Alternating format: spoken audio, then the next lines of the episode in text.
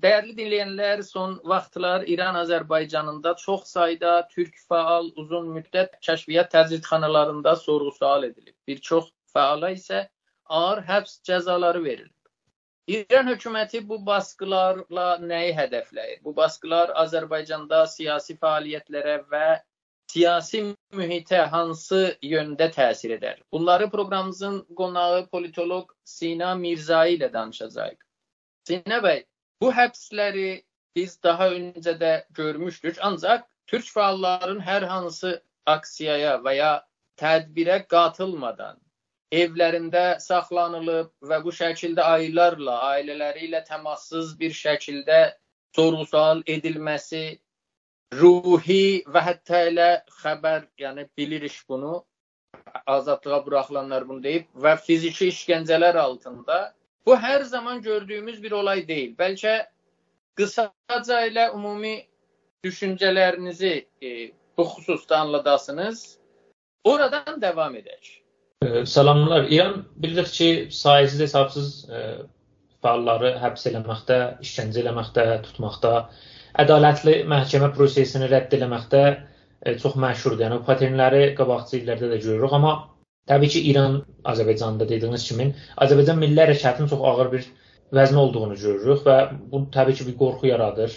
Hər zaman potensial bir qorxu yaradır Cümhuriyyət İslamidə və görürük ki, hətta qabaqçı protestlərdə gördüyümüz kimi başqa bölgələrə qiyasla Amara baxdığımızda bizdə sabiqəsi olan fəallar, yəni milli fəal dediyimiz milli mədəni fəallar saydığımız insanlar protestoya çıxmadan belə tutulurlar, sərkub olurlar. Niyə ki, oradakı potensial və yaxud danışdığım potensial çox qorxulu gəlir Cümhuriyyət İslamiyə. Çox böyük e, problemlər yarada bilər Cümhuriyyət İslamının varlığına. Bilməm, siyasi gücünü, dövlət kontrolunu və toplumsal dinamikləri kontrol etmək üçün Azərbaycanda təbii ki, bu tutuqlamalara e, yol verməsi lazımdır. Yəni bu buna ehtiyac duyur ki, müxalifəti, hər hansı bir müxalifəti Azərbaycanda bastıra, e, kontrolu orada sürdürə və bu kontrolu sürdükcə də dinamikləri də üzərində saxlayır. Onun üçün də e, bu paternləri elə bu illərdə də görürük, hələ e, hərdən artır, hərdən düşür, fərqli hədəflərlə e, Cümhuriyyət İslamı e, bizim Azərbaycandakı milli fəalları tutuqlayır.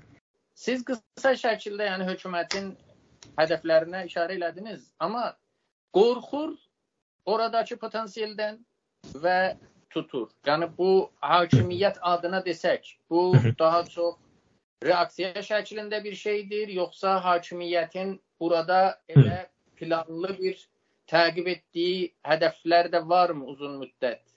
Hədəflərə gəldiyimizdə mən e, bayaq işarə elədim, amma bunun detallarına indiyimizdə hər halda bunu əvvəl görməliyik ki, Cümhuriyyət İslamı milli hərəkatı bəlkə bizdən daha yaxşı tanıyır. Yəni milli fəallardan da daha yaxşı tanıyır. Bilirik ki, sərkub hər nə mənada bazarlıqlı olmasa, sərkub və repressiya mexanizmlərini qurmaqda və onları işlətməkdə çox başarılı bir e, hakimiyyətdir Cümhuriyyət İslamı. Onun üçün də e, fərqli hədəflərlə, fərqli taktiklərlə, sizin dediyiniz kimi bəlirli qabaqdan planlanmış stratejilərlə qabağa aparır bu hərəkətləri. Yəni e, fəlləyi tutuqlamalar və ya bilmirəm e, strategik tutuqlamalar, protestoları bastırmaqlar hamısı bir strateji üzündən gəlir. Yəni bu belə naxudaqa gəlmir, e, gəlişmir. Bunların məsələn çoxu e, nəbz yoxlamaq üçün ola bilər. Yəni arada sırada Cümhuriyyət İslamı istəyir bilər ki, bu hərəkətin, sosial hərəkətin, siyasi hərəkətin, mədəni hərəkətin nə qədər qaynaqları var hərəkətdə. Bu çox əhəmiylidir onun üçün. Nə qədər enerjisi var, nə qədər potensiali var. Bunu necə yenidən yeni taktiklərlə kontrol altına ala bilər. Başqa bir hədəf ola bilər ki, bu olsun ki, hökumət geniş çaplı tutuqlamalar yerinə daha seçici hədəfləmələrə e, yönələ bilər. Çünki e, çox yaxşı bizim milli hərəkatın içindəki ixtilafları, koalisyonları, toplantıları, genəlliklə dinamikləri bildiyi üçün eləyə bilər ki, bu daha geniş e, protestoya, yəni xiyaban aşamasına gəlmədən e, seçici bir şəkildə kilit isimləri tutuqlaya və onları tutuqlamaqla e, o toplu tutuqlamadan qaça, yəni pişiri eləyə qabaqdan ki, toplu tutuqlamadan qabaq seçici bir şəkildə tutuqlaya və bu insanların birləşməsinin riskini azaldır təbii ki.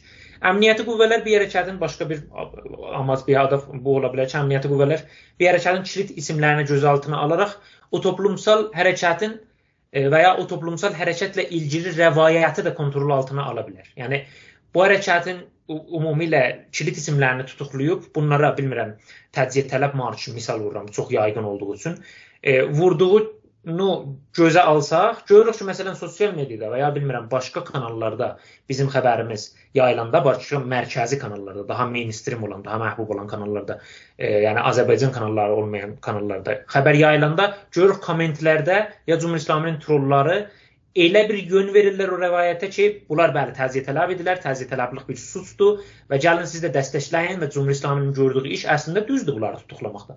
Və görürük ki, bu terrorları da millət də hərdən e, ağah olmadan davam edir yolun və qəbul edir ki, bəli, təzyiyə tələbdirlər, bunları tutmaq lazımdır və yəni bu marşları yapışdırmaq lazımdır kimi bir rəvayətə də yön verir. Yəni kontrolu hər yönünü əlinə alır əsasda kilit isimləri tutuqlayaraq.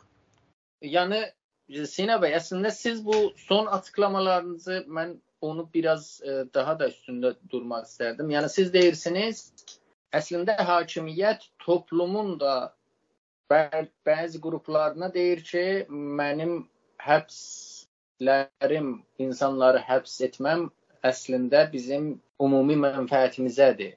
Onlara bunu qəbullandırmaq istəyir. Dəqiqən, tamamilə buna qatırıram. Yəni rəvayət kontrol eləmək çox əhəmilidir. Həm milli hərəkatın öz içindəki rəvayəti kontrol eləmək, həm onun dışında olan, ona üyə olmayan ola bilər farslar, ola bilər başqa millətlərdən olsun, başqa düşüncələrdən insan olsun, onların rəvayətini kontrol eləmək. İkincisini ki, söhbət elədik. Yəni o dediyim kimi, sosial mediada, başqa yerdə təciyə tələblıq marşları ilə falan millətin fikrini elə dəyişdirir ki, mən doğru iş görürəm əsasında. Milli hərəkat içində də bayaq dediyim kimi içimizdəki ixtilafları da çox yaxşı bilir. E, Cümhur İslami bəlkə bizdən də yaxşı koalisyonları da çox yaxşı bilir. Harda nə cür iletişim qurulduğunu da çox yaxşı bilir. Onun üçün görürük ki, arada sırada baxır görür hansı ixtilaflar var. O ixtilaflar üstünə də hətta strateji tutuqlanmalar eləyir. Elə eləyir ki, məsələn, filan e, ixtilafda, filan koalisyonda olan, milli hərəkat içində olan insanları bu sırada tutukluyum, bu ay içində tutukluyum. Bir ixtilaf yaradım milli hərəkatın içində və ya casus yollayın milli hərəkatın içində o ixtilafları yaratsın. 7-8 ay sonra o kəsim gücləndirdikdən sonra başqa bir kəsimi milli hərəkatın içində tutukluyum. Onları bir e, farklı şəkildə rəvayətini kontrol edeyim, salım o birislərin canına. Yəni siyasət budur və görürük ki, yəni faciə ilə üz-üzə gəlməliyik və özümüzlə sadiq olmalıyıq ki, Cümhuriyyət İslamı maalesef yəni bir dövlət olaraq təhlükəsizlik orqanlarına dayanaraq bizi hərdən bizdən çox daha yaxşı tanıyır və bunun üçün də çox diqqətli olmalıyıq ki, Cümhur İslamiyə qarşı olaraq, yəni bu hər hansı bir tutuqlama, hər hansı əzinə ki veririk, Cümhur İslamiyə tərəf çevrilsin, yəni əks nəticə versin. Tutuqlamalar çoxu sosial hərəkətlərdə birliğə səbəb olmalıdır, ayrılığa yox. Amma Cümhur İslami çox yaxşı bilir ki, fərqli tutuqlamalar birliğə səbəb ola bilər. Onun üçün də o birlikdən də bir şeylər bildiyi üçün deyir mən ixtilaf da yaratmalıyam. Yəni o birliyi də tutuqlamadan sonra dağıtmalıyam milli hərəkat içində. Yəni bu iç rəvayəti belə kontrol eləməklə, yəni milli hərəkatın içində və dışında olan rəvayətləri kontrol eləməklə səy eləyir tam gücü ölkə çapında sağlaya və e, bu sərkubunu, repressiyasını davam etdirir. Yəni Sina bəy, siz deyirsiniz İran İslam Respublikası bu şəkildə baskıları tətbiq etməkdə təcrübəsi var və nəticə də alır əslində.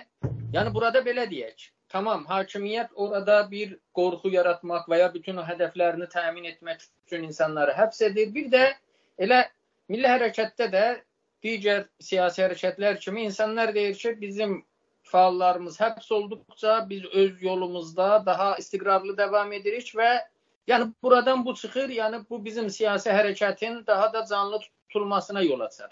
Yəni fəallar adına bu həbslər hərəkətin canlı tutulmasına yol açar deyib burada bunların məsuliyyəti bitirmi, yoxsa o hakimiyyətin təqib etdiyi hədəflər üzərində çalışmaq da lazımdırmı?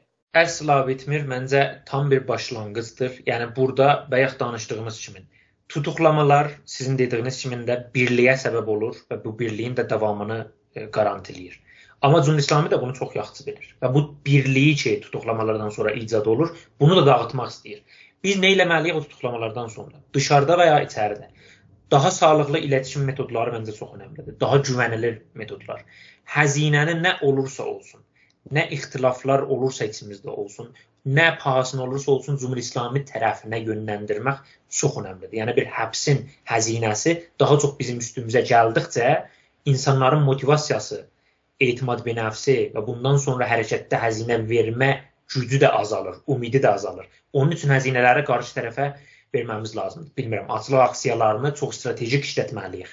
E, tutuqlamaları çox strateji və hər gün Cümhur İslami necə ki öz stratejilərini update eləyir, bizim milli hərəkat da o birliyə, o suni şayət anlıq yaranan birliyə aldanıb taktiklərində qalmamalıdır. Taktiklərini adaptə eləməlidir. Cümhur İslami yeni taktik verdikcə, yeni tutuqlamalara başladıkca təzə taktiklər, təzə iletişim metodları və təzə bəsic olma yollarını tapmaq lazımdır. Yəni bu qaçınılmazdır əgər bir hərəkətin davamlılığını və başarısını istəyiriksə.